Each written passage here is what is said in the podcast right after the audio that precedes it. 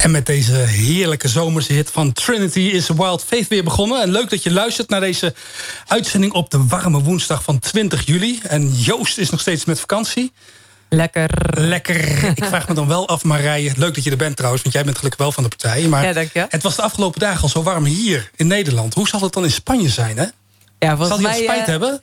Volgens mij uh, zit hij de hele dag met zijn gat lekker in het water. Maar Ja. ik zou niet te veel doen als ik hem was. Dus ik neem aan dat het daar ook gewoon zo lekker heet is. Ja, volgens mij is het nog flink warmer dan vandaag. Maar dan hier. Maar ehm, we hebben weer twee mooie uren voor de boeg. Hè? Tot tien uur zijn we op deze zender te beluisteren. Waar gaan we het over hebben, Marije? Nou, vandaag hebben we Antoinette Moraal hier in de studio. En zij is initiatiefnemer van Move Your Mountain. Echt een super toffe organisatie. En eh, dat gaat over je bergen verzetten, maar misschien ook wel de mooiste bergen van Europa bezoeken. Want eh, eh, één ding wat ik eh, in ieder geval gemeen heb met Antoinette... is dat we allebei wel een beetje fan zijn van Zwitserland. Klopt dat? Ja, dat klopt zeker. ja. Nou, daar ga je straks meer over horen. Mooi zomers thema. Ja, Ja, toch? ja zeker. Hey, en de vaste luisteraar van Wild Faith, die weet het. Hè? En we beginnen elke uitzending weer met het delen van onze geluksmomentjes. Maar wat is jouw geluksmomentje, Marije, van deze week? Nou, ik, heb, eh, ik, ik kan goed tegen warmte, maar ik ben niet zo per se warmtefan. Maar ik heb vandaag heerlijk in uh, Airco bij een klant gewerkt. Aan een super tof evenement voor vrouwen.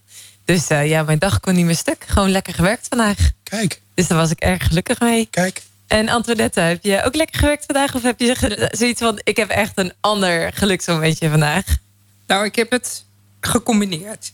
Ik heb heerlijk gewerkt thuis. En eh, we hadden pauze smiddags. Toen dacht ik, weet je wat, doe eens gek. Ga lekker in een zwembadje liggen.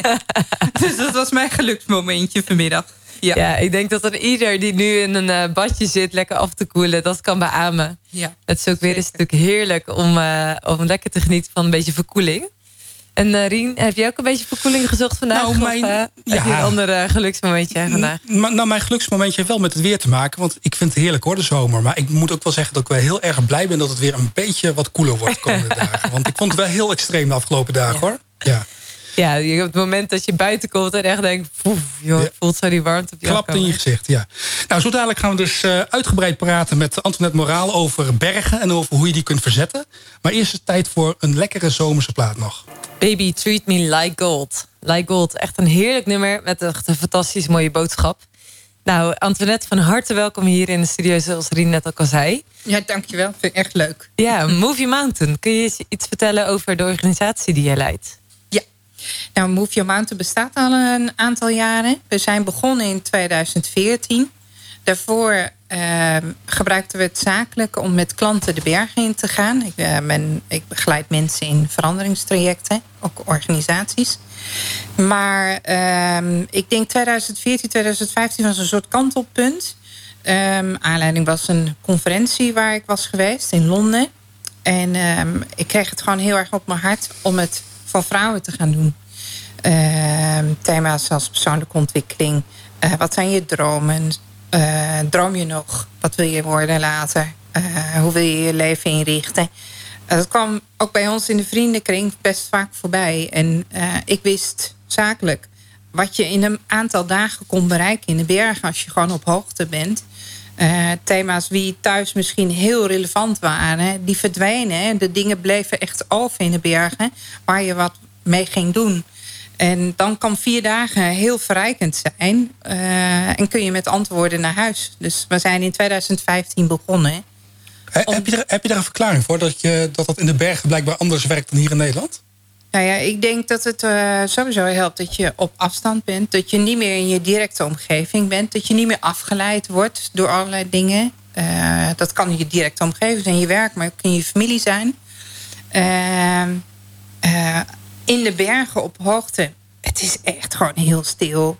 En je bent echt wel op jezelf aangewezen als je op dat wandelpadje schuift. En je bent ook vooral bezig van hoe zet ik mijn voeten in de eer? Ga ik niet glijden? Ehm, en als je dan rust hebt en je zit op een mooie steen eh, en je kijkt over het landschap, ja, dan komt er een bepaalde rust over je, waardoor je, denk ik, ruimte voor jezelf creëert om met de diepere lagen, dat wat aandacht nodig heeft, mee aan de slag te gaan. Is dat heftig voor mensen? Ja, voor sommige mensen is dat heftig. Want waar lopen ze dan tegenaan op het moment dat nou, ze dan gewoon echt... keihard tegen jezelf. Ja. uh, niet dealen met de rust. Thuis eigenlijk altijd afgeleid zijn en denken, nou, dat is wel oké. van, van hoofdstuk naar hoofdstuk rennen. Of job, of um, vrijwilligerswerk, of vrienden. Um, en dan stilstaan en nadenken over dat wat je wil. Of die verlangens wie je nog hebt. Wie je diep weggestopt hebt. Ja, dat kan heel confronterend zijn. Ja, dus ergens in de rust komt er dus ruimte. Exact. Zo mooi. Ik denk dat iedereen die luistert wel denkt van... hé, hey, dat herken ik eigenlijk zelf ook wel. Dat juist als ik dus juist in de rust kom... misschien wel juist ook in de natuur... even geen oordopjes in mijn oren... dat je dan juist merkt van... hé, hey, nu is het tijd voor... Uh, de echte dingen. Ik ben vorige zomer ben ik eens een paar dagen naar een klooster gegaan in Doetinchem. En die monniken vertelden ook dat uh, heel veel mensen die dat ook deden... na één of twee dagen gillend wegrenden hè, van die stilte. Dat we inderdaad gewoon niet meer tegen... dat wij blijkbaar als moderne mensen niet meer tegen stilte kunnen. Mm ja. Dus dat herken jij ook heel erg. Ja, bij, mij, eh, bij ons zijn ze niet weggerend hoor. Nee, nee dat niet. ze kunnen ook niet wegrennen, want je moet kijken waar je voeten neerzet. Ja, ja. maar, uh, maar ja, de, het, daar moet ook wel ruimte voor zijn om, om dat te uiten. Hè? Dat je daar uh, slecht tegen kan. Uh, vaak vanuit zo'n ontlading ontstaat er weer nieuwe ruimte. Om wel met dingen aan de slag te kunnen of antwoorden te ontvangen. Maar ik kan me zo voorstellen dat deelnemers ook weten dat ze echt daar ook tijd voor vrijzetten. Om juist die ruimte op te zoeken in de stilte. Dat klopt. Maar dan wil, dat wil nog niet zeggen dat je daar je heel erg op kan voorbereiden. Soms overvalt het je toch. En de, de andere kant is dus ook dat de vrouwen het heerlijk vinden. Even niets hoeven te doen. In de stilte ontvangen. Vier dagen, dat voelt als een week vakantie. Want we leven natuurlijk een, enorm in een prestatiecultuur. Ja. Iedereen die zegt maar ik ben druk, dat is ook een soort van status. Als je zegt hé hey, ik ben druk, dan gaat het ook goed met je. Ehm, en dan als je dan dus juist daar ook even uitstapt, is misschien dus ook wel het moment dat je dus even komt bij de echte jij. Ja. Verlangen mensen daar ook naar, naar dat stukje weer ontdekken wat ze eigenlijk misschien wel door de drukte en de alles waar je in je leven mee bezighoudt, misschien wel de sleur eigenlijk aan voorbij gaat? Ja, weggestopt of kwijtgeraakt. Ja, zeker. Ja, ja dat kan. Uh, ja, we hebben echt wel meegemaakt op reis ook dat vrouwen op dag vier zeggen: Ja, ik weet nu wat ik echt wil. Ik ga mijn baan opzeggen. Um, ik word ondernemen. Of uh, nou, ik ga die relatie juist wel aan. Of ik ga die relatie verbreken. Zo, dat zijn wel grote menskeuzes. Of ik ga trouwen. Oh! Ja, ja, ja. ja. ja. Nou, ik ben wel benieuwd. Of bijzonder dat ook om daar getuige van te zijn. Ja, dat kan ik me voorstellen, ja. Ik ben wel benieuwd of dat er ook nog een verschil is... hoe makkelijk vrouwen zeg maar, eh, even het leven loslaten. Eh, of eh, in vergelijking ook met mannen. Ik weet niet of dat je al aangehaakt was bij het vorige item... toen Antoinette vertelde over mensen die meegaan met Move Your Mountain. Een prachtige organisatie die mensen meeneemt op reis. Vrouwen meeneemt op reis. Eigenlijk even uit te slurven elke dag. Om vervolgens in de rust misschien wel een stukje van zichzelf te vinden. Of te ontginnen wellicht. En ik um, eindigde eigenlijk met de vraag... zou het nu voor mannen anders zijn dan voor vrouwen... om even de boel de boel te laten... en te vertrekken naar Zwitserland voor een paar dagen weg? Dat vraag je aan een vrouw. ja. Nou, dan gooi ik hem daarna naar Rien. precies, ja. nou ja, ik denk dat mannen over het algemeen sneller zeggen... kom, we gaan. Ja? Vrouwen denken daar wat langer over na. Die, die, die zitten te, dibben, te dubben. Eh, nou er kunnen allerlei redenen zijn waarom je niet weg kan. Je werk of uh, verplichtingen. Misschien ben je moeder of wat dan ook. Uh, dan kan ik me best voorstellen dat je daar wat langer over nadenkt. En is het alleen maar die praktische overweging? Of gaat het er ook over of dat, het je, dat je je ook dat ja, jezelf eigenlijk gunt? De, investering, want het is kost ja, ik denk uh, vrouwen doen daar die doen in dat proces er wat langer over dan mannen. Over het algemeen, hè? Uitzonderingen daar gelaten. Ik wil niet uh, daarin uh, te veel chargeren, maar mannen kunnen sneller besluiten: hey, komend weekend gaan we wat leuks doen. Die, die, die. Uh, schat, ik ben er niet. um, bij vrouwen gaat daar wat uh, langer overheen. Ik heb, ik heb wel eens deelnemers gehoord die zeggen... ja, ik had het plan al drie jaar geleden. Toen had ik al jullie gezien en gehoord. En toen dacht ik, dat is leuk. Uiteindelijk kwam ze pas drie jaar later... Uh, tot, het, tot het doen, zeg maar. Tot het echt gaan doen Zo, drie jaar in haar hoofd, ja. En Rien, duurde dingen bij je ook drie jaar? Of zeg je, oké, dat wil ik. Ik Ja. eh, pak mijn biezen en ik vertrek. Nou, drie jaar is inderdaad wel wat lang. Maar ehm, ik, ja, ik heb daar eigenlijk nog nooit over nagedacht. Maar ik- nu je dat zo zegt, Antoinette, ik denk dat je wel een punt hebt, ja. ja maar ik vraag me dan wel af, hoe zal dat dan komen? Zal het gewoon ook komen hoe, dat mannen en vrouwen gewoon heel anders gewoon toch in elkaar zitten? Hè? Mannen komen van Mars en vrouwen van Venus. Zal dat het zijn? Het zou heel goed kunnen. Ja, Nou, als je als luisteraar nu zegt van eh, ik heb daar wel een zegje over te doen. Eh, stuur ons dan een WhatsAppje naar 06 39 39 2050. Dus 06 39 39 2050. En zet even ons nummer in je telefoon. Dan kan je gewoon altijd op woensdagavond even live met ons chatten. Want wij zijn er graag voor jou. En ook benieuwd, maak je als vrouw zijn er nu makkelijker of moeilijker de keuze om gewoon te zeggen: ik laat de boel de boel. Ik vertrek voor een weekend naar Zwitserland voor een stukje persoonlijke ontwikkeling. En misschien snacht je er wel echt, je er wel echt naar dat je echt zegt: ja, dat moment in de bergen zou ik ook heel graag willen hebben om even tot mezelf te komen. ja, dan ben je echt van harte welkom. Want we gaan in september weer. En er is nog plek. Kijk, dus eh, dan kun je naar moviemountain.nl. Ja. En dan, eh, dan kun je sowieso kijken van hey, wat voor aanbod hebben ze eigenlijk. Want eh, ja, ze hebben verschillende reizen. Maar daar komen we straks vast en zeker nog op terug. Zeker. Hey, en ehm, als je dan kijkt naar die vrouwen die dus die keuze maken. Sommigen misschien, ik zou heel makkelijk zo'n keuze maken. Misschien zijn andere vrouwen inderdaad drie jaar verder. Hebben ze al een paar keer iets van jullie voorbij zien komen via social media of ergens bij een event. Ehm, eh, wat zijn dan de dingen waarvoor vrouwen zeggen van hé, hey, ja, dat, dat zou ik dan willen ontdekken, dat zou ik willen verkennen. Ik denk dat de meeste vrouwen gaan zeggen: ik ga voor het avontuur. En dat is het, want je krijgt echt veel avontuur. En dat wordt ook, je wordt fysiek en ook wel eh, mentaal uitgedaagd. Maar ik denk dat avontuur, dat lokt de meeste vrouwen. Maar als je daar eenmaal bent, en dat gaf ik net al aan, op, als je op hoogte bent, dan laat je los wat niet meer relevant is. En blijft er over dat wat belangrijk is. En daar ga je dan mee aan de slag. En we hebben een mooie eh, begeleidingsteam. Er gaan eh, per reis gaan er drie Move Your vrouwen mee. Zij leiden ook de reis. En ehm, zijn ook uitgerust om je daarbij eh, te ondersteunen. En we werken ook met een reiskompasboekje ter ondersteuning van jouw proces. Dus het, het boekje is niet in deze zin leidend. Jouw proces is wel leidend. Dat is ook wel mooi. Hè? En wat zijn dan de verhalen die je terug hoort van vrouwen?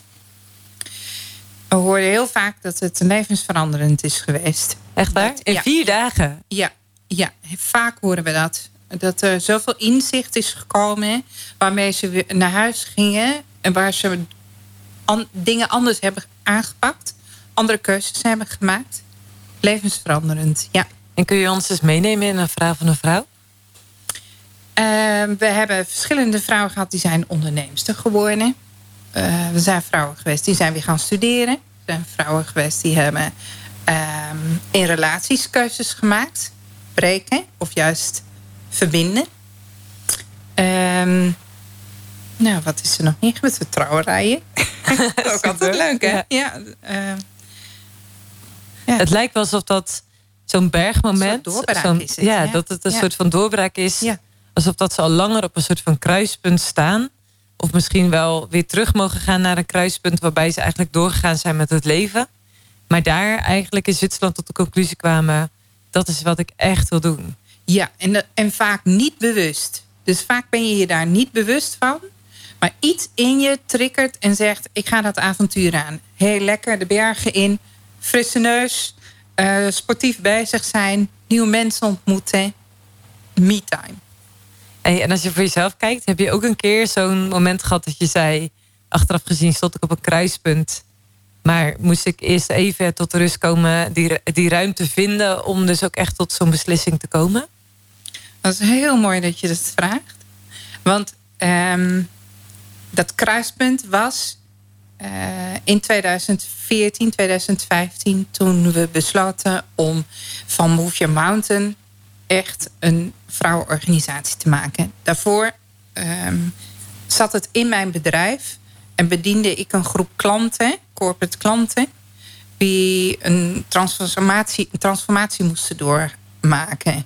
Ja, dat kan zijn vanuit een fusie, overname of een cultuurslag. En die mensen nam ik dan die nam ik mee naar de bergen om in een aantal dagen eh, die transformatie te maken. En ik ben met een aantal vriendinnen ben ik naar een conferentie geweest in Londen. En dat was voor mij levensveranderend. Ehm, ik ben christen. En in die conferentie, uh, ja, daar werd het mij zo helder dat ik meer mocht gaan betekenen voor vrouwen. Terwijl ik eigenlijk altijd in mannenomgeving heb gewerkt. Ja, want veel bedrijven en met fusies en, en leiderschap zijn toch wel nog steeds veel mannen. Exact. En ik dacht echt, vrouwen? ja, dat klinkt misschien heel gek. Maar het, was, het, het werd echt op mijn leven gelegd van... jij gaat iets voor vrouwen betekenen. En uh, daar had ik wel slapeloze nachten van. Ja, want, want, want dat, dat was, niet zo, was niet zo makkelijk genomen uh, in dat uh, stukje. Ehm, ik had een vriendin, die ging ook mee, Marionel. En Marionel is echt een vrouwen-vrouwen mens. Die ja, was ook altijd al actief in vrouwenwerk. En die zei, nou weet je wat, dat gaan we samen doen. En dat gaf zoveel lucht. Dus ik dacht, oh heerlijk. Ik hoef dat niet in mijn eentje te doen. Als je praat over wat je kan. En dan vulden we elkaar perfect aan. En je zei, ik was op die conferentie.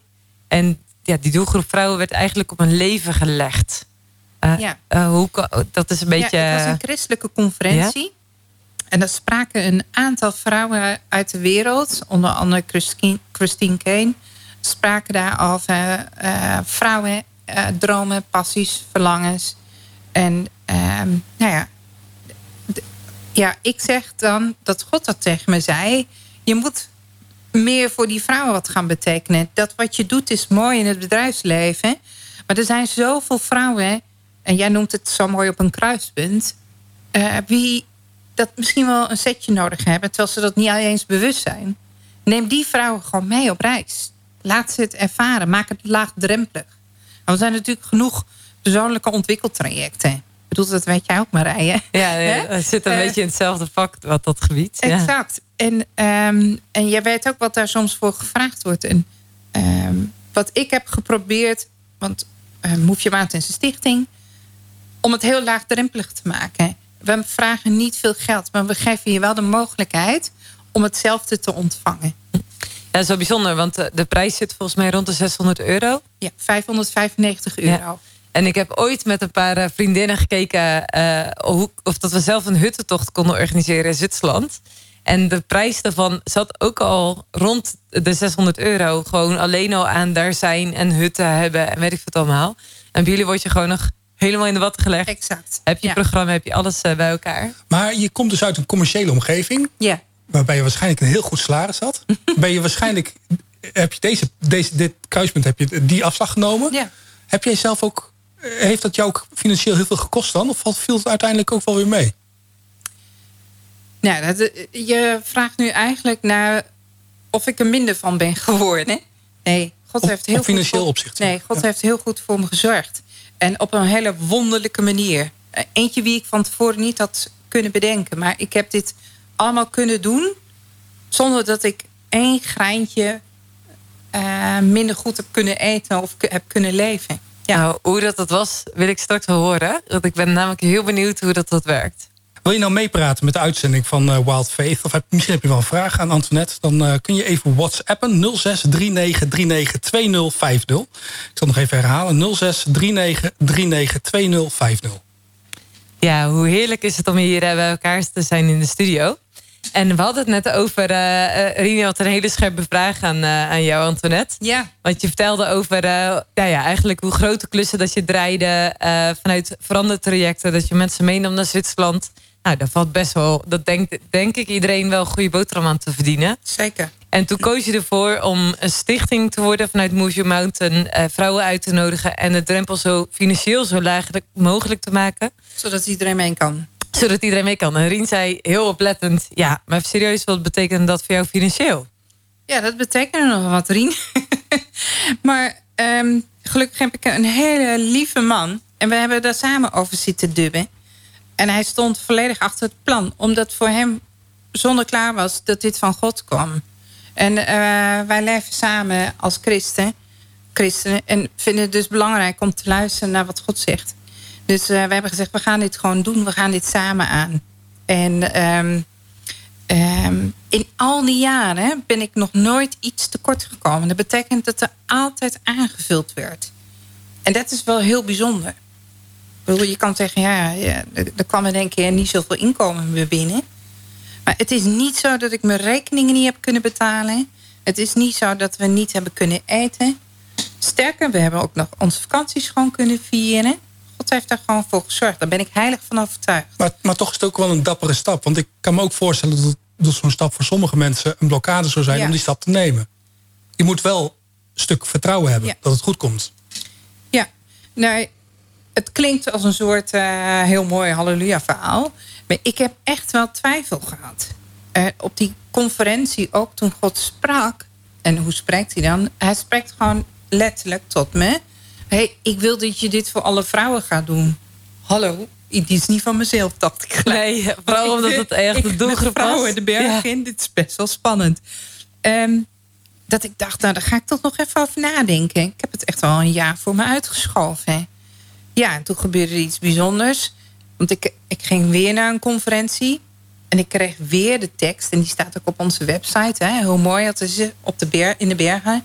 Als de boodschappen aangesneld komt om het goede nieuws te vertellen. En dat is eigenlijk wat we doen. We brengen het goede nieuws daar. En ehm, toen kreeg ik die tekst weer. Toen dacht ik, ja, dit is wel gek zeg. En ik wist ook dat ik er gewoon niet omheen kon. Ik bedoel, die was voor mij. Ik, ben daarmee aan de slag gegaan. En um, nou, na dat gesprek thuis... Let's give it a try. We gaan het gewoon doen. We gaan een pilotreis boeken. We gaan uh, met een aantal vrouwen op stap om te kijken of we dat georganiseerd krijgen. En zo is het gegaan. En we kwamen terug. En eigenlijk alles wat we voor me konden bereiden... dat viel als puzzelstukjes in elkaar. We hebben daar ook niet heel hard voor hoeven te werken. Het uh, boekje, het reiskompasboekje, ontstond spontaan. Um, we hadden op boven de berg hadden we een slaapadres. En alles wat je daarbij kon verzinnen... we hadden geen route, we, we, wisten niet hoe we het wilden gaan doen. Ik was er geweest, maar de rest niet. Ah, het leek alsof alles gewoon voorbereid was. Alsof alles meant to be was. Ja, en dat, dat geeft wel heel veel vertrouwen om gewoon te gaan. Heb je nooit twijfels gehad dan, tijdens het hele proces? Nee.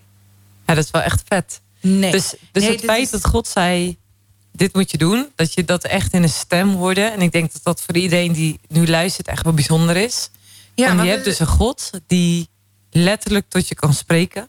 Waarbij je dus ook die bijbeltekst hoorde en echt dacht... ja, dit gaat over mij. Uh, hè, over de bergen als boodschapper het goede nieuws brengen. Dat matchte dus zo met datgene wat God dus gezegd had. Dat je wist, die tours die ik altijd naar uh, Zwitserland deed met teams... moet ik nu voor vrouwen laagdrempelig aanbieden en er eigenlijk geen snars aan verdienen. Ja, dat heb je echt heel goed gezegd. ja. Ja. ja. ja, klopt. Ja. Ook bijzonder. Hè? En, en als je daar dus naar kijkt, die, die Bijbeltekst die je dan voor de tweede keer hoorde. Wat is dan dat goede nieuws wat die boodschappen kon brengen in de bergen? Ik denk, dat kan heel veel zijn. Maar voor mij is dat één ding. Dat je daar ervaart dat je alles wat je in je leven gaat doen of gaat uh, ervaren. Dat je, de, dat je nooit alleen bent. Dat er altijd iemand met je meereist. Wie het beste met jou heeft. En dan leven we in een maatschappij waar eenzaamheid ja, eigenlijk het grootste probleem lijkt te worden. En jij stelt, hey, eigenlijk reis je nooit alleen. In de bergen niet, maar ook, ik neem aan dat je dat bedoelt als levensles door je hele leven heen. Ja als iemand luistert en zegt: Ik voel me eigenlijk heel erg eenzaam. Want je zegt nu dat je nooit alleen bent, omdat er altijd iemand met je meereist. Hoe kan iemand daarin God dan ontdekken als degene die ook met je meereist, ook als je jezelf dus eenzaam voelt? Moeilijke vraag. Ik denk dat het begint met je open willen stellen dat, dat dit waarheid zou kunnen zijn. Zou dit waarheid kunnen zijn? Zou je dit willen onderzoeken of dit zo zou kunnen zijn? En hoe kunnen mensen dat onderzoeken? Wat mij altijd helpt is iemand zoeken uh, wie daar iets over weet, zodat ik me kan laven, zo iemand. Hè? Dat iemand mij meeneemt. Um, we leven in een digitale wereld, er is heel veel te vinden. Um, bijvoorbeeld uh, de website op zoek naar God.nl. Bijvoorbeeld. Ja. Of een alfa cursus hebben we het al eerder over gehad hier eh, Ja. in de studio. Ja. Eh, er zijn ook altijd eh, in eh, eigenlijk alle regio's waar we als uh, Weldefem uitzenden, kun je aanhaken bij een, eh, bij een alfa, vast en zeker weer naar de zomer. Ja. Dus dat zou ook een hele mooie manier kunnen zijn om dat te gaan verkennen en te onderzoeken. Ja. Wat, wat ge- geeft het jou dat God altijd met je meereist? Wat, wat Nou. brengt dat in jouw leven? Zoveel rust. En de gedachte dat ik het nooit alleen hoef te doen. En, en dat ik gewoon kan overleggen. En zeggen, nou, is dit wel slim? Ehm, weet je, het is geen harde stem. Dat, dat wil ik nog een keer uitleggen. Het is een zachte stem. Maar we worden in deze maatschappij zoveel over schreeuwt met een harde stem. En de vraag is, waar luister jij naar? Leg uit, wat bedoel je daar precies mee? Met die harde stem en die zachte stem? Eh, God spreekt bij mij eigenlijk heel zacht. Hè, als ik in de rust ben en eh, me niet laat afleiden door deadlines op werk of eh, heel veel, hoe moet ik dat zeggen, stress, hectiek. Dan, dan zijn er zoveel andere dingen die mijn aandacht ook vragen. Dan hoor ik vaak die zachte stem niet. Dus het vraagt ook iets van mij om in die rust morgens te gaan om te ontvangen. Nee, Leg ik het zo een beetje uit? Want ik zie een paar vragende ogen. nou, ik denk het wel. Weet je waar ik aan moet denken? Wij spraken vorige week over een podcast, Ademrust. En daar is een episode van, die heet Goddelijke Rust. En als je nu zegt van, eh, eh, eh, ik zou heel graag een stukje goddelijke rust willen ontvangen. Dat is dus een christelijke meditatie die je helpt om in de rust en in de stilte te komen. Om misschien wel die zachte stem van God ook te horen. Dus dat is een hele mooie tip eigenlijk, zo op deze avond. Om, eh, om die podcast eens Ja. op te zoeken, Ademrust. En dan is het Goddelijke Rust, is dat de episode waar dit over gaat. En uh, velen gingen hiervoor. En uh, ja, volgens mij is dat echt wel een hele mooie teaser eigenlijk voor nu. We hadden het net over, met Antoinette over uh, ja, Gods stem verstaan. Wie is God dan in je leven? Wat als je meer van God zou willen verkennen? Hoe werkt dat dan? Hoe kun je dan meer van hem horen? En ja, een van de dingen die je zou kunnen doen... is dus de Ademrust podcast opzoeken. Maar natuurlijk plaatsen wij al onze opnames ook op, uh, op Spotify. En kun je via Wild FM de podcast, ook de podcast uh, van de vorige, de uitzendingen van de vorige keren, ook terugluisteren. Als je zegt van hey, ik zou meer verhalen willen verkennen over een God die dus met je meeloopt, die met ja. je uh, oploopt. Ja. Hey, en je zei van hey, dat is eigenlijk zo heerlijk dat ik me nooit alleen voel. Mm. Is dat ook wat je van vrouwen hoort als ze dan ja, meegaan met Move Your Mountain? Dat ze zeggen ja, weet je, ik heb zo ervaren dat ik niet alleen door het leven hoef te gaan. Ja. Ja, weet je, God spreekt persoonlijk. Dus hoe hij tot mij spreekt, wil niet zeggen dat hij dat voor iedereen klaar heeft liggen. Maar we hebben echt wel hele mooie verhalen van vrouwen. Um, van tevoren vraagt, nou, weet je, als u er echt bent, hè, uh, mag, mag ik dan vragen dat er iets moois voor me klaar ligt? En uh, één verhaal is zo specifiek. Die mevrouw um, kreeg allemaal stenen onderweg in de vorm van hartjes. Ja. En die heeft ze ook dus bewaard. Oh, die kwam ze tegen toen ze aan het lopen ja. was. Ja. En wat je zei in het begin, Ja. als je door de bergen heen loopt, dan moet je echt kijken waar je loopt. Ja. En zij vond dus allemaal stenen die dus in een hartjesvorm waren. Ja. En wat, wat was voor haar daarin de boodschap? Nou, dat, dat ze gezien werd. Ja. Bijzonder, hè? Dat zie je dit, dat die op dat pad liggen. Zij zegt voor mij. Ja, dat is ook zo. ja, dat Ja. is ook echt zo. En het mooie is, ze heeft het meegenomen hè, naar huis. Ja. En elke dag, het ligt ergens op een plek waar dat zichtbaar is. En dat is zo mooi ook, want we hebben allemaal wel eens een dag dat je je wat minder voelt. En dan ligt er zo'n steentje waarvan je denkt, ja, wat is dat nou?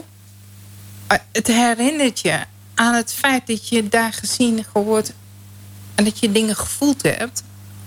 En dat geeft je zoveel energie om toch weer door te gaan. Klinkt een beetje als een gedenksteen.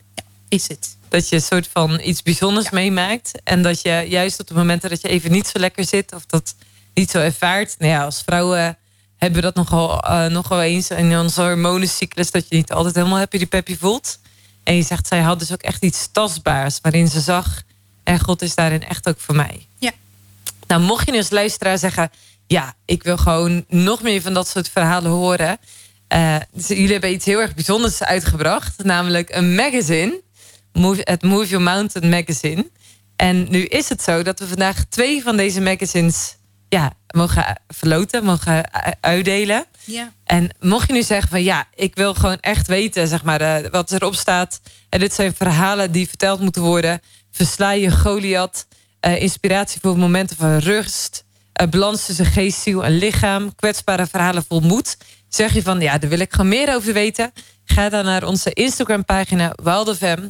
En daar kun je dus gewoon simpelweg in de story je naam invullen. En zo maak je jouw kans. Dus over laagdrempelig gesproken. is eigenlijk een hele makkelijke manier om te zeggen... ja, ik zou echt heel graag meer mooie verhalen willen lezen. En het tof is, het is gewoon een volledig magazine... met alleen maar artikelen, quotes, mooie verhalen... zonder enige advertentie erin. Dus jullie hebben gewoon echt een heel tof product uh, opgeleverd. Dus, nou ja, mis je de kans, dan kun je hem altijd nog bestellen... via de website van Move Your Mountain. Dus dat is ook echt fantastisch. We gaan er nog even nog niet uit voor de, voor de verplichtingen. Maar uh, we eindigen heel graag met de poll. Kom maar, kom maar, kom maar met je mening. Kom maar met je mening, want ook deze week hebben we weer een poll uitgezet. En de poll is voor vandaag, ja, kom je dus juist in de bergen tot rust en tot een stuk bezinning. Dat was de poll en de uitslag was erin dat 50% zei ja en 50% zei nee. Dus ik ben wel uh, voor jou, zeg maar, uh, benieuwd als je, als je kijkt uh, naar ja, wat jouw ervaring daarin is. Zie je dan ook juist dat in de bergen spirituele groei te vinden is? Jazeker. Maar ik kan me ook voorstellen, want je noemde ook een groep wie, wie daar anders op reageert. Ja, er zijn zoveel mogelijkheden om in de rust te komen. En een ander zegt misschien, ik, heb dat, ik ervaar dat aan het strand. Hè? Of lekker in een bos wandelen bijvoorbeeld mij gaat het er niet zozeer om of dat de bergen zijn, maar dat je een plek hebt waar je, dat, waar je kan opladen. Hè? Waar, je, waar je voelt van hé, hey, hier, hier, kan ik, hier kan ik tot rust komen, of kan ik reflecteren, of kan ik nadenken. Uh, en vol energie weer naar huis. Ik had uh, van de week een documentaire gekeken en die ging ook over de stressvolle uh, generatie die we nu zijn. Mm. En ik vond het zo bijzonder dat ze daarin ook zeiden... Eh, heel veel mensen denken, ik ga ontspannen. Ik zet de tv aan, ik pak mijn smartphone. Ik ga appjes lezen, social media scrollen. En uiteindelijk is de conclusie echt van... ja, daar valt dus eigenlijk geen echte rust te vinden. Uh, en nou ja, ik denk dat iedereen wel heel veel advertenties heeft gehoord... in de tijden van COVID, dat je juist naar buiten moet. Het werkt het ook zo, dat, dat je juist in de bergen... of op het strand of in het bos um, uh, ook je brein dus ontprikkelt. Gewoon er in de natuur te zijn. Ja, als je je mobiel op stil zet wel. ja, als je gewoon doorrinkelt en, ja. uh, en jij moet alle appjes gewoon nog um, bovenop 2000 meter beantwoorden. Hè, als je bereik hebt. Maar um, ja, dat lijkt me niet zo geslaagd. Dus, dus, dus, je neemt ook een wilsbesluit om in die rust te komen. Hè? Eh, waarvan je dan zegt, bepaalde dingen doe ik dus even niet. Heb je een tip als iemand zegt, ik wil heel graag in de rust komen vanavond? Wat zou je dan adviseren? Zet, zet, lekker je, je WhatsApp uit. Uh, even in de rust. Zet een rustige muziekje op. Ja? Uh, ga in een badje liggen of iets. Onder een warme douche. Een koele douche misschien. Ja. Maar uh, zorg dat je die prikkels, dat continu aanstaan, aanstaan, dat dat even weg is.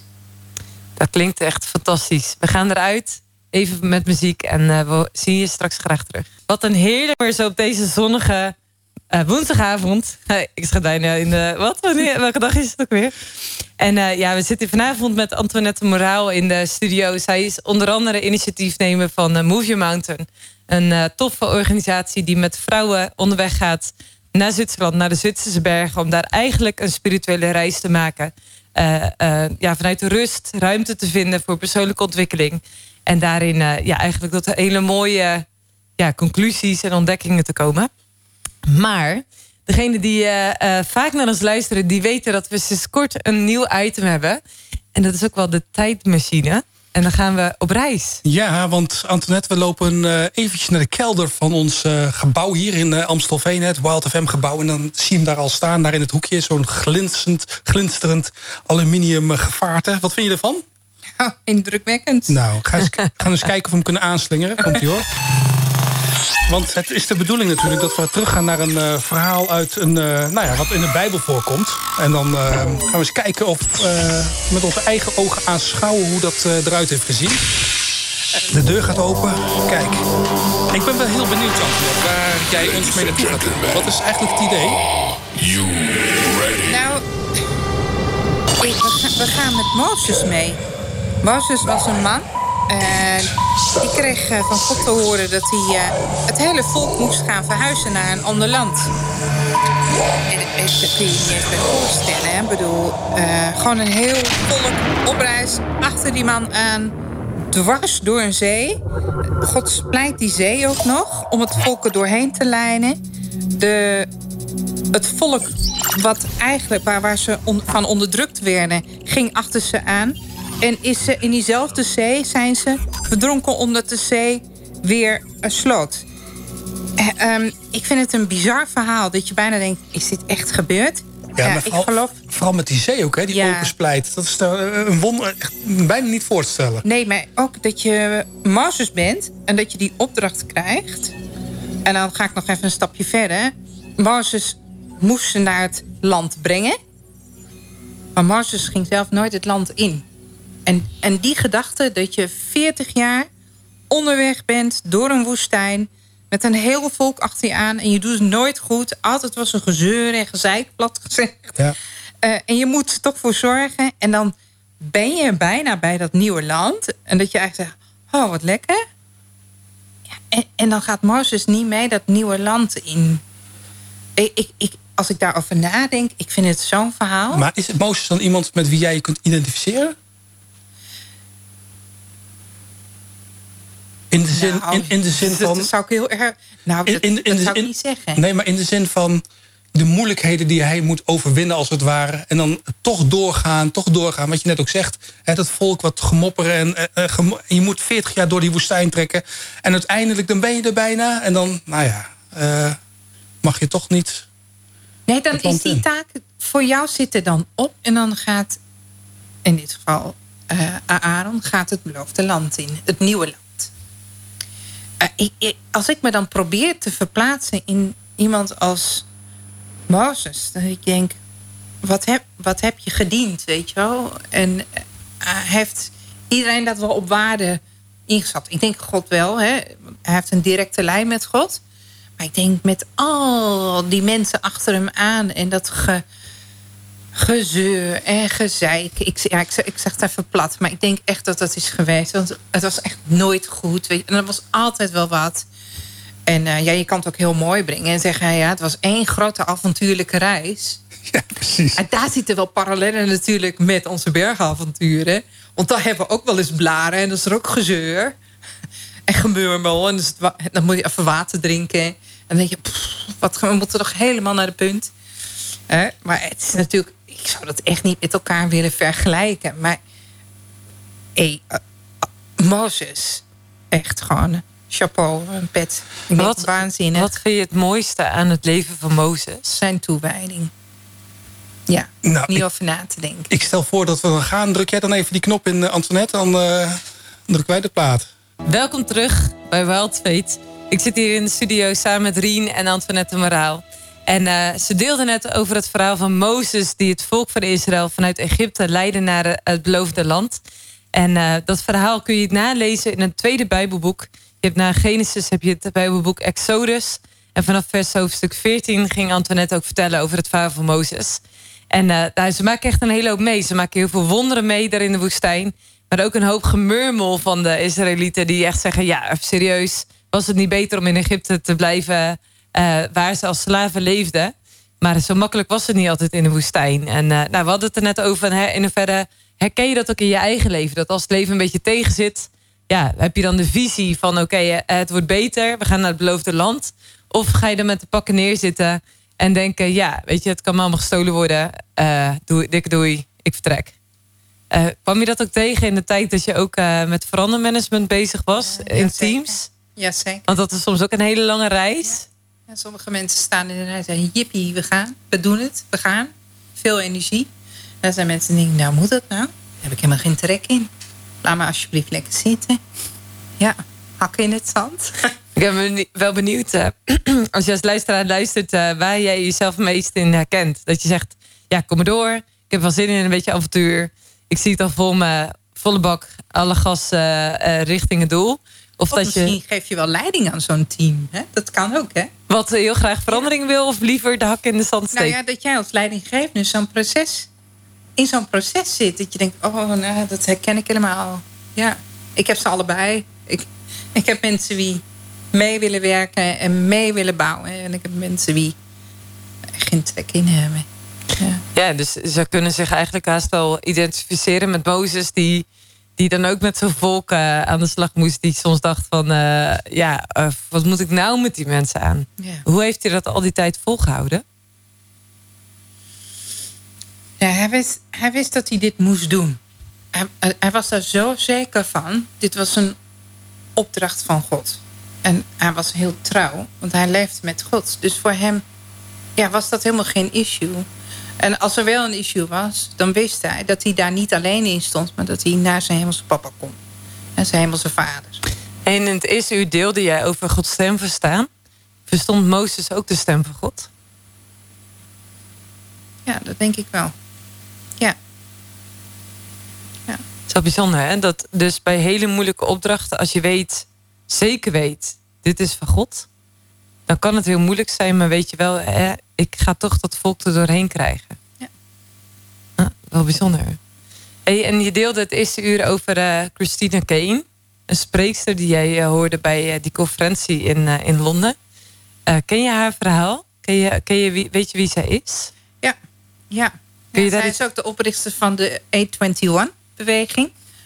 dat is echt waanzinnig als je ziet wat in korte tijd ontstaan is. Want wat is dat voor organisatie? Een organisatie die mensen, kwetsbare vrouwen en mannen uit de slavernij halen. Ah, en dan hebben we de slavernij ook over gewoon Europa. Uh, mensenhandel. Ja, dus mensen, zeg maar, ik heb wel eens ooit gelezen dat er vandaag de dag meer slaven zijn dan dat er ooit geweest zijn. Ja, dat kun je je niet eens voorstellen. Nee. Zo bizar is dat. Ja, dat is echt wel uh, gek, ja. Ja, zij doet echt heel goed werk. En uh, afgelopen zondag sprak ze toevallig in Amsterdam. En zij vertelt ook de, uh, wat de impact van COVID is geweest. Uh, dat ze het zo ongelooflijk druk hebben gehad. Van bizarre aantallen van mensen die gered zijn. Nou, bijzonder zeg. Top. Ja. Ja. ja, dus mocht je zeggen, Christina Kane, ik heb nog nooit van haar gehoord. Ze heeft een paar toffe boeken geschreven. En op YouTube kun je echt heel veel ook van haar terug Kijk, volgens mij is het ook een podcast waarin ze heel veel deelt. Dus uh, daar is ook zeker weer veel van te, te horen. En, en jij neemt vrouwen mee op reis naar, uh, naar Zwitserland voor een stuk spirituele groei. Wat is spirituele groei?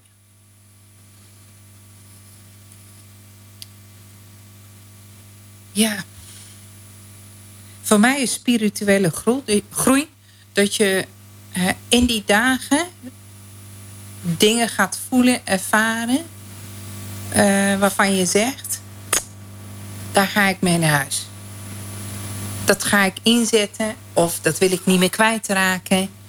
Uh, verrijking. En jullie organiseren drie verschillende weekenden. Ja. Uh, dat is uh, één gewoon voor vrouwen in het algemeen. Dan hebben jullie nog een vervolg op die eerste reis. Dus dan moet je de eerste reis al meegemaakt hebben, doorleefd hebben. En ook iets voor young women. Klopt. We hebben Bergavontuur 1. Dat is uh, het eerste bergavontuur wat je gaat meemaken. Uh, met een thema, met een boekje ter ondersteuning. En dan hebben we Bergavontuur 2. Dat is een soort vervolg op uh, reis 1, Bergavontuur 1. En daarnaast hebben we nog voor Young Women. Dat is apart voor meiden tussen de 17 en 24 jaar. Daar, apart, daar organiseren we een apart bergavontuur voor. Dat gaat heel erg over keuzes maken in, in je leven. Dat is een beetje de fase waarin je de grote mensenkeuzes moet maken. Ja, ja, omdat we, we weten hoe ingewikkeld het is om in deze levensfase uh, keuzes te maken. En hoe weet je dat je een goede keuze maakt? Dus we, we, we hebben aan de hand van het bergavontuur geprobeerd om te laten zien hoe je, hoe je een soort fundament hebt uh, waarmee je zeg maar, die levensvragen uh, kan beantwoord krijgen. Ja, want dan heb je het ook over thema's als uh, FOMO, FOBO. Dus uh, fear of missing out, fear of better options. Ja. Uh, ja, er is heel veel keuzestress bij, bij ja, jongeren van die leeftijd. Ja, ook wil ik nog studeren of ga ik werken? Blijf ik bij mijn ouders wonen of ga ik op mezelf? kies van partner. Er komt zoveel op je af. Het kan soms best overweldigend zijn. Maar hoe, pak, maar hoe pak je dat dan aan? Want dat zijn best wel grote vragen. Uh, geef jij daar dan antwoord op als meiden van 17 met dat soort vragen bij jou komen? Nou, we hebben natuurlijk een fantastisch team. Uh, ja, Die hebben alle antwoorden. Nee, we, hebben, we hebben echt zo'n ontzettend tof team voor Young Women. Daar ben ik echt heel gelukkig mee. En daar zitten jongere meiden bij, er zitten oudere vrouwen bij. Maar het is echt een heel mooi team wie dat uh, draagt. En um, wat is de sleutel? Want je zegt hè, het gaat over het fundament. Is dat fundament ook een sleutel, zeg maar? Dat, dat je dan goede keuzes kunt maken? Uh, de sleutel ligt toch weer zeg maar, in een leven met God. Um, en elk bergavontuur, daar staat ook een vrouw centraal. Een vrouw uit de Bijbel. En waarom is een leven met God een sleutel als het aankomt op keuzes maken? Omdat je ik denk als je leeft met God dat je dit voorlegt in gebed of in gesprek met hem. Van is dit wel verstandig wat ik nu doe? Ehm, en dat je minder snel impulsieve keuzes maakt. Of onder druk, groepsdruk. Of uh, dat wat andere mensen zeggen, dat is het beste voor je. Dus dat gaat echt over de grote mensenkeuzes van... Uh, wat voor studie kies ik? waar wil ik gaan werken? Uh, is dit een goede partner voor me? Zeg maar dat je dat soort vragen ook echt in gebed brengt. Uh, en gebed betekent eigenlijk gewoon letterlijk praten met God. Dat je gewoon desnoods hardop tegen God zegt... Uh, ik sta op dit kruispunt in mijn leven. Wat is dan een goede keuze?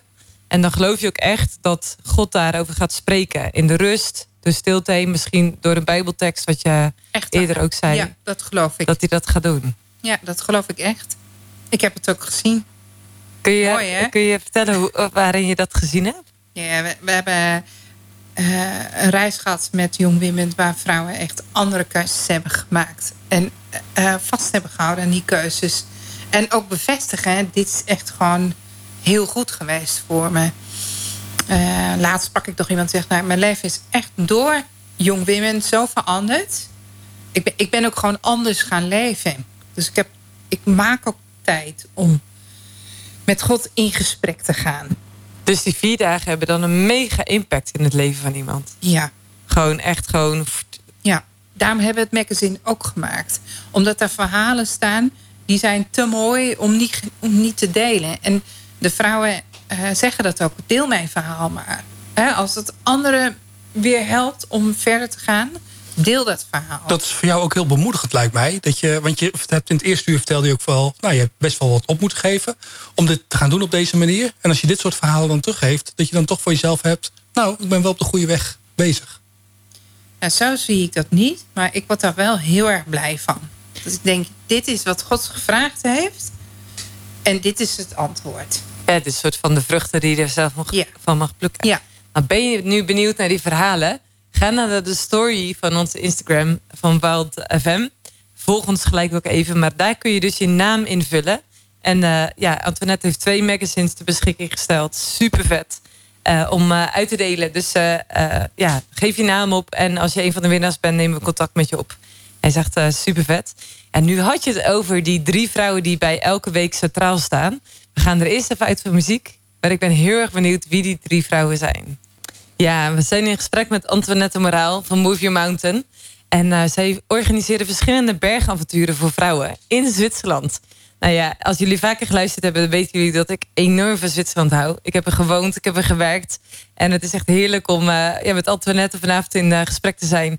Juist ook over de bergavonturen die ze daar georganiseerd, en, georganiseerd heeft al sinds 2014. En nu zijn er drie verschillende bergavonturen. Daar hadden we het net even over. En bij elk bergavontuur staat één of twee vrouwen centraal. Uh, Bijbelse vrouwen die echt super inspirerend zijn. En uh, ik ben wel eens benieuwd, ja, als je ons dus meeneemt in een verhaal van een van die vrouwen, ja, wat heeft dat dan jezelf gebracht? Heeft het ook zo'n impact of een ommekeer in je leven gebracht? Of in ieder geval je leven verrijkt? Als je kijkt naar wat je van die vrouw geleerd hebt. Ja, zeker. eh, van elke vrouw leer je. En dat is mooi. eh, als je in zo'n verhaal zit, eh, dan neem je dat tot je. En pas later hè, realiseer je waar het over gaat. En Marta en Maria staan centraal in reis 1, bergavontuur 1. En wat waren dat voor vrouwen? Zij zaten in de innercirkel van ehm, Jezus. Dus je moet voorstellen dat de, de, de vriendenclub. En ehm Martha was degene die altijd dan aan het werk was. En aan het regelen was. En zorgde dat het op rolletjes liep. En zorgde dat er genoeg eten was. En nou ja, Zo de- herkenbaar voor vele vrouwen. de Echt organisator. Ja. En Maria was meer, nou, misschien wel de droomster, de dromer, die aan de voeten van Jezus zat te luisteren naar al die verhalen. En eh Martha baalde daar wel eens van. Die had zoiets van, eh, ja, hoe kan je ooit de rust vinden zelf? Terwijl dat ik al het werk aan het doen ben en jij zit daar lekker te niksen en te dromen voor je uit te staren of gewoon lekker chill te zijn. En ik ben dus al het werk aan het doen. ja. En ik denk, had ik soms maar iets meer van, van Maria. Dat ik mezelf in die rust kan dompelen en gewoon lezen, tot je nemen. Zonder dat je denkt, en dit moet nog gedaan worden en dat moet nog gedaan worden. Toch heel toepasselijk. Ik bedoel, dat gebeurt toch ook in ons leven. Hè? Er liggen altijd wel taken op ons te wachten. Als het niet werkt, dan zijn het wel taakjes die je nog in huis moet doen. De, eh, stofzuigen, toilet. Ja, je zei ook al over vrouwen van, eh, we hadden het al eerder over. En mannen kunnen wellicht veel makkelijker zeggen: doei, ik vertrek voor een weekend. Lekker even tussenuit. En dat vrouwen heel vaak moeite hebben om dingen los te laten, omdat ze misschien wel de druk ervaren van: ik moet nog zoveel. Ja, klopt. En wat is dan de sleutel om ook echt in die rust te komen? Dus hoe heb je dat zelf ontdekt? Van eh, ja, ik heb niet alleen maar de wens om wat vaker Maria, als Maria te zijn, dat ik de rust kan vinden om ja, te mediteren of met belangrijke Ja, dingen ik bezig te zijn. ervaren heb dat het me als mens heel veel brengt. Dat ik veel meer in balans ben. En hoe kom jij tot rust? Ik kan niet zeggen, dan ga ik naar de berg. Maar dat is natuurlijk niet altijd waar. Nee, de afgelopen twee jaar thuis was dat- creëer ik ja. ook die rustmomenten door de natuur op te zoeken. Ik, ik heb het geluk dat ik bij een mooi meertje woon... en dat ik lekker kan wandelen.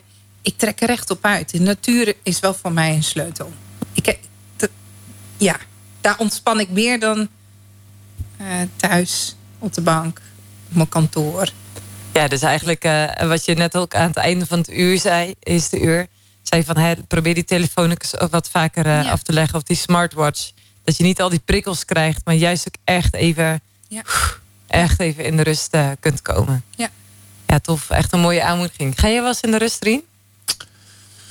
Ja, ik probeer ook wel eens een, eh, een boswandeling eh, te maken. Of iets Ja, zit dat geest. voor jou ook Of- echt in de natuur? Ja, maar ik vind het ook gewoon wel lekker om gewoon af en toe... eh, in- in- ik heb best een relatief grote tuin. Om gewoon achter in mijn tuin te gaan zitten. En daar even in de stilte. Dat, vind ik, dat doe ik ook wel eens. Maar niet heel vaak, moet ik in alle eerlijkheid zeggen. Iedereen die in Amsterdam woont eh, en met corona opgesloten zat in een, eh, in een heel klein appartementje zonder enige ruimte, denkt: wat, grote tuin, meertje om je heen. Ja, Echt ja heerlijk. Vondelpark is ook prachtig. Er zijn natuurlijk hier ook gewoon wel parken waar je gewoon heerlijk kan chillen. Ja. Ja. ja, voor mij zit die rust ook echt gewoon in eh, hardlopen. Juist ook naar buiten gaan. Ik doe dat altijd zonder muziek. Ik ga altijd zonder telefoon dan op, op stap. En dat vind ik echt zo heerlijk. Dat ik echt denk, ik ben, er- ik ben er gewoon even niet. Nee. Ik, ik zei net over die documentaire. Dat, dat eh, eh, een van die dames was... Dit was een Cosmopolitan eh, ehm, documentaire. Een korte. En toen ging het ook over van... Dat iemand zei, ja, je moet als je mail krijgt... gewoon eigenlijk binnen no time reageren. Ja, ik heb gewoon expres geen werkmail op mijn telefoon. Omdat ik denk, ja, als ik niet aan het werk ben... dan ben ik gewoon ook niet bereikbaar. Mensen die mijn telefoonnummer hebben... die kunnen me dan bellen of appen. Maar verder ja, wil ik niet al die mailtjes binnenkrijgen. Want morgen is er weer een dag. Merk je dat ook dat heel veel mensen een soort van druk ervaren... om altijd maar bereikbaar, alert te zijn... eh, beschikbaar te zijn? Ja, we staan de hele dag aan. Ja. Dus je, eigenlijk is je oproep vanavond... jongens, stap daar af en toe eens uit. Nou, probeer er balans in eh, aan te brengen. Ik ga niet tegen je zeggen, dit moet je niet doen of dat moet je niet doen. Maar ik hoop dat je met de informatie die we nu delen... eh, dat je eens kan kijken van, hé, hey, wat is voor mij eh, wat geeft mij balans? Wat, wat geeft mij rust? Hoe, hoe kan ik misschien dingen anders doen? En dan zou ik niet zeggen, doe gelijk alles anders. maar pak nou één dingetje. Want de kans als je met één dingetje aan de slag gaat... is groter uh, kans op succes dan dat je zegt... nou, ik ga vijf dingen tegelijk anders doen. Pak gewoon één dingetje.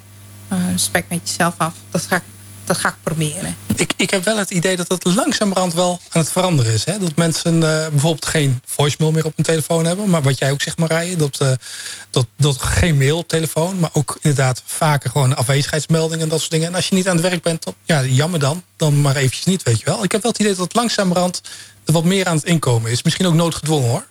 Ja, en anderzijds zie ik steeds meer mensen met een smartwatch. En denk ik echt, dan zeggen ze ja, dan kan ik mijn stappen tellen. En uh, allemaal dat soort dingen. Op, maar, allemaal, op telefoon? Ja, nee, ja, dus via je smartwatch. Ja. Uh, terwijl dat ik echt denk, je krijgt echt al de, de hele tijd zie je mensen dan op hun telefoon kijken. Omdat ze dan weer een berichtje binnenkrijgen. Dat ik echt denk, oh, ik zou echt helemaal gek worden gewoon als ik dat zou doen. Dus uh, daar kies ik echt gewoon niet voor. Nou, we gaan naar een vet nummer luisteren. En dan ben ik benieuwd naar een andere vrouw waarvan je zegt van ja, dat, die is echt inspirerend. Daar heb ik van geleerd. Ja, hoe eerlijk is het als je zulke vette muziek hoort. En uh, nou ja, als je weet, uh, als je wil weten waar je nog meer van dit soort muziek kunt luisteren. We hebben op Spotify de lijst Wild Fate, de playlist. Niet de playlist, maar de met DE. En dan kun je al onze muziek die we draaien hier op woensdagavond weer terugluisteren. En echt waar, zeg maar, al hou je van hardlopen met muziek... of sporten of gewoon lekker luisteren naar muziek met een beat... dan is het zeker de moeite waard om eens naar te luisteren. We hadden het net over uh, Martha en Maria. Dat zijn twee vrouwen die in de inner circle van Jezus uh, uh, zijn leven zaten. Ze kenden hem goed. En het ging eigenlijk over, kun je wel eens de rust vinden om echt ook tijd te nemen om, om jezelf te verdiepen. Om ja, eigenlijk ook dingen van God te horen. Die misschien wel juist in de stilte tot je spreekt. Of ben je altijd maar bezig, bezig, bezig. Maar nog meer bezig, bezig, ja. bezig. En dat is misschien wel iets wat we allemaal wel kennen in ons leven. Van ja, we zijn zo vaak druk met van alles en nog wat. En uh, we hebben zoveel te beleven met elkaar. Maar nu heb je nog een andere vrouw uh, die in een van jullie bergavonturen centraal staat. En volgens mij is dat Rut. Ze heeft een heel eigen bijbelboek. Ja, ja. Ik vind, ik vind Rut echt zo stoer. Wie was Rut? Ja, Rut, Rut was getrouwd. Was nog een jonge meid. Had een leuke vent aan haar geslagen. En um, hij sterft. Zo. En dat is zo heftig, want hij kwam, haar, haar schoonfamilie kwam eigenlijk uit een ander land. En haar schoonmoeder heette Naomi. En die zei, joh, mijn man is overleden, mijn zoon zijn overleden. Ik ga terug naar mijn geboorteland. En dat was niet even een trein pakken of een vliegtuig? Nee, dat was nee zeker niet. Gewoon een lange reis. En Rut zegt, ik ga met je mee. En Naomi wilde daar eerst niet zo iets van weten. Want ze zei ook nog iets van ga toch lekker terug. En ga in je eigen land een nieuw leven opbouwen. opbouwen. En de ene schoonzus deed dat ook. Orpa, die ging ook terug. Maar Rut was vastbesloten. En die wilde mee met Naomi. En um, als je dan bedenkt... Hè, uh, uh, hoeveel keuzes zij moest maken in haar jonge leven. Namelijk, ze was getrouwd. Ze had een leuke vent.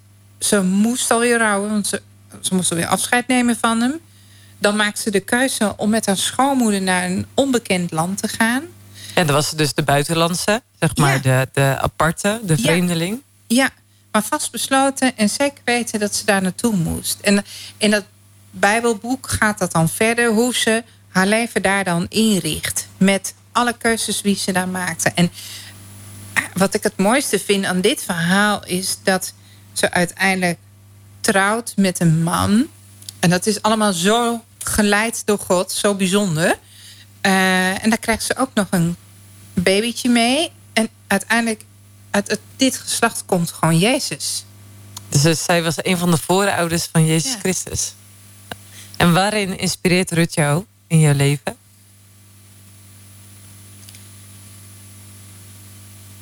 Ik vind het knap dat je. Uh, zij had vertrouwen. En zij kende God niet als haar persoonlijke papa waar ze mee sprak. Maar ze, uh, ze snapte wel... Uh, ze had het vertrouwen dat hij dat leven le uh, zou leiden. Dat hij haar en Naomi zou leiden in, uh, in het nieuwe land. En zou laten zien hoe het zou moeten. Denk dus dat, je, dat rosvaste vertrouwen van Rut... dat vind ik wel echt heel knap. Ja, want zij kwam bij, bij zij was Moabiet. Dus haar volk kende God niet. De God van, ja, van de christenen. En van de Joden, zeg maar, die kenden ze niet. Daar werden allemaal andere goden aan, aanbeden. Denk je dat ze bij haar schoonfamilie iets heeft gezien van, van wie God was? En dat ze dacht van ja, bij, ik wil die God dienen. Ik wil bij dat volk horen. Ik voel me echt verbonden met die God van, van uh, Naomi. Ja, ik denk uiteindelijk wel. Want anders maak je de keuze niet, zo'n cruciale keuze, om mee te gaan naar een onbekend land voor jou. En heb je zelf ook wel eens op zo'n punt gestaan dat je eigenlijk bevraagd werd van oké, waar kies ik nu eigenlijk voor? Kies ik voor het oude vertrouwen of kies ik juist voor ja, het onbekende, uh, de weg met God? Ik denk als je leeft met God, dat die vraag elke dag centraal staat. Wat kies ik?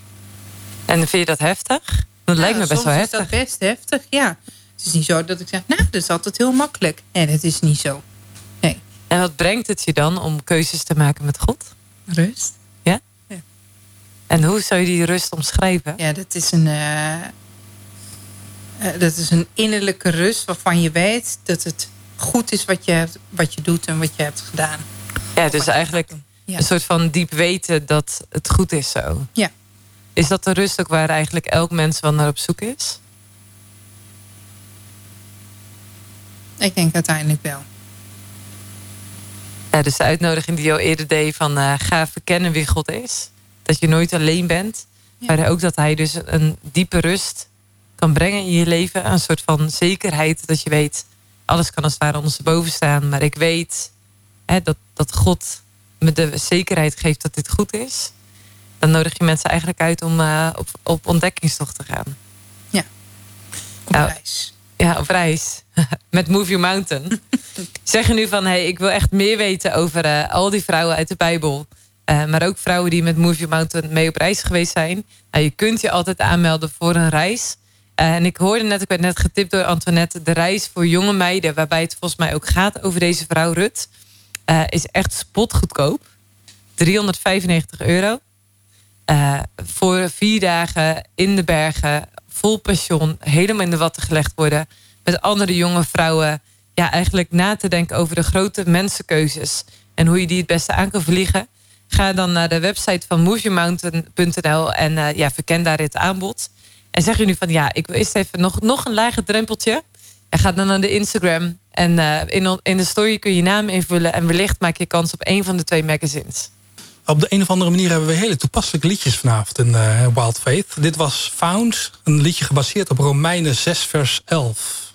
Kijk, als je nou wil weten wat staat er in Romeinen 6 vers 11... Dan kun je gewoon dat intypen op Google, Romeinen 6 vers 11. En dan kom je vanzelf bij een uh, fantastische bijbeltekst. Nou, over bijbelteksten gesproken. De bijbel staat echt vol met verhalen. En Antoinette deelt een aantal verhalen zojuist van bijvoorbeeld Martha Maria. Als je meer wil lezen over hun leven, dan kun je dat lezen in Lucas 10. Daar staat hun verhaal uh, beschreven. En Lucas is een van de 66 boeken in de Bijbel. Uh, vervolgens gingen we in gesprek over Rut. Dat is ook een hoofdstuk uh, in de Bijbel. En nou uiteindelijk komen we aan bij Esther. Dat is ook een hele bijzondere vrouw. Een jonge vrouw ook. Die enorm veel uh, meemaakt in haar leven. En uh, ja, echt grootste dingen ziet. Ook in een hele spannende, turbulente tijd leefde. Misschien wel zoals wij nu vandaag de dag. Is het, vind je ook echt dat de tijd nu best wel turbulent is? Ja, er gebeurt gewoon heel erg veel. En uh, ik kan me voorstellen dat je denkt, nou, wat, wat, wat ga ik nu doen? Er, er, gebeurt zoveel dat het je bijna lam kan leggen. En dat je denkt van, ja, ja wat moet ik nou nog, nu nou nog doen? En um, dat vind ik zo mooi van het verhaal van Esther. Esther leefde ook in een turbulente tijd. En daar staat letterlijk, ze is geroepen juist voor zo'n tijd. Dus ik weet niet of dat voor jou ook zo is, maar um, als dat zo is, als je juist geroepen bent voor deze tijd, en kijk eens om je heen, waar zou je wat kunnen betekenen? Voor wie zou je wat kunnen betekenen? Want dat geroepen zijn betekent dat je eigenlijk een roeping hebt in een heel moeilijk woord. Zeg maar dat jij specifiek ergens voor bedoeld bent hier op aarde. Ja. ja, dat kun je ook heel klein maken. Door in je directe omgeving te kijken, wie kan ik helpen? Dat haakt eigenlijk aan op die uh, talenten en, en uh, alles wat je eigenlijk in huis hebt... waar we aan het begin van het interview over spraken. Ja. Uh, dat je zegt, hij maakt het vooral klein. Iets wat dus bij je past, hoe dat je ook van betekenis kunt zijn. Ja. Kun, je ons iets meenemen in het leven van Esther? Ja, nou, Esther, Esther moest naar de koning... want Esther was geroepen om haar volk te redden. Dat was nogal wat. En, um, maar dat ging niet van vandaag op morgen. En dat vind ik zo mooi aan het verhaal van, het, uh, verhaal van Esther. Esther kreeg voorbereidingstijd. Esther ging een aantal maanden in een huis ter voorbereiding op het gesprek van wat ze zou hebben met de koning. Ja, want ze was uitgehuwelijkd aan de koning. Ja, ja. En um, misschien denk je nu, oh, dat en dat en dat kan ik doen. Maar dan is dat misschien best een drempel. Dan wil ik je daarbij bemoedigen en zeggen... het is echt niet de bedoeling dat je het morgen al gelijk gaat doen. Hè, maar gebruik ook die voorbereidingstijd. Hè, gebruik voorbereidingstijd om vanaf daar uh, te kijken van... hey, wat heb ik nog nodig voor mijn plan? Wat, is, wat kan ik betekenen? Hoe ga ik dat aanvliegen? Zonder dat je gelijk in een nieuw avontuur stort.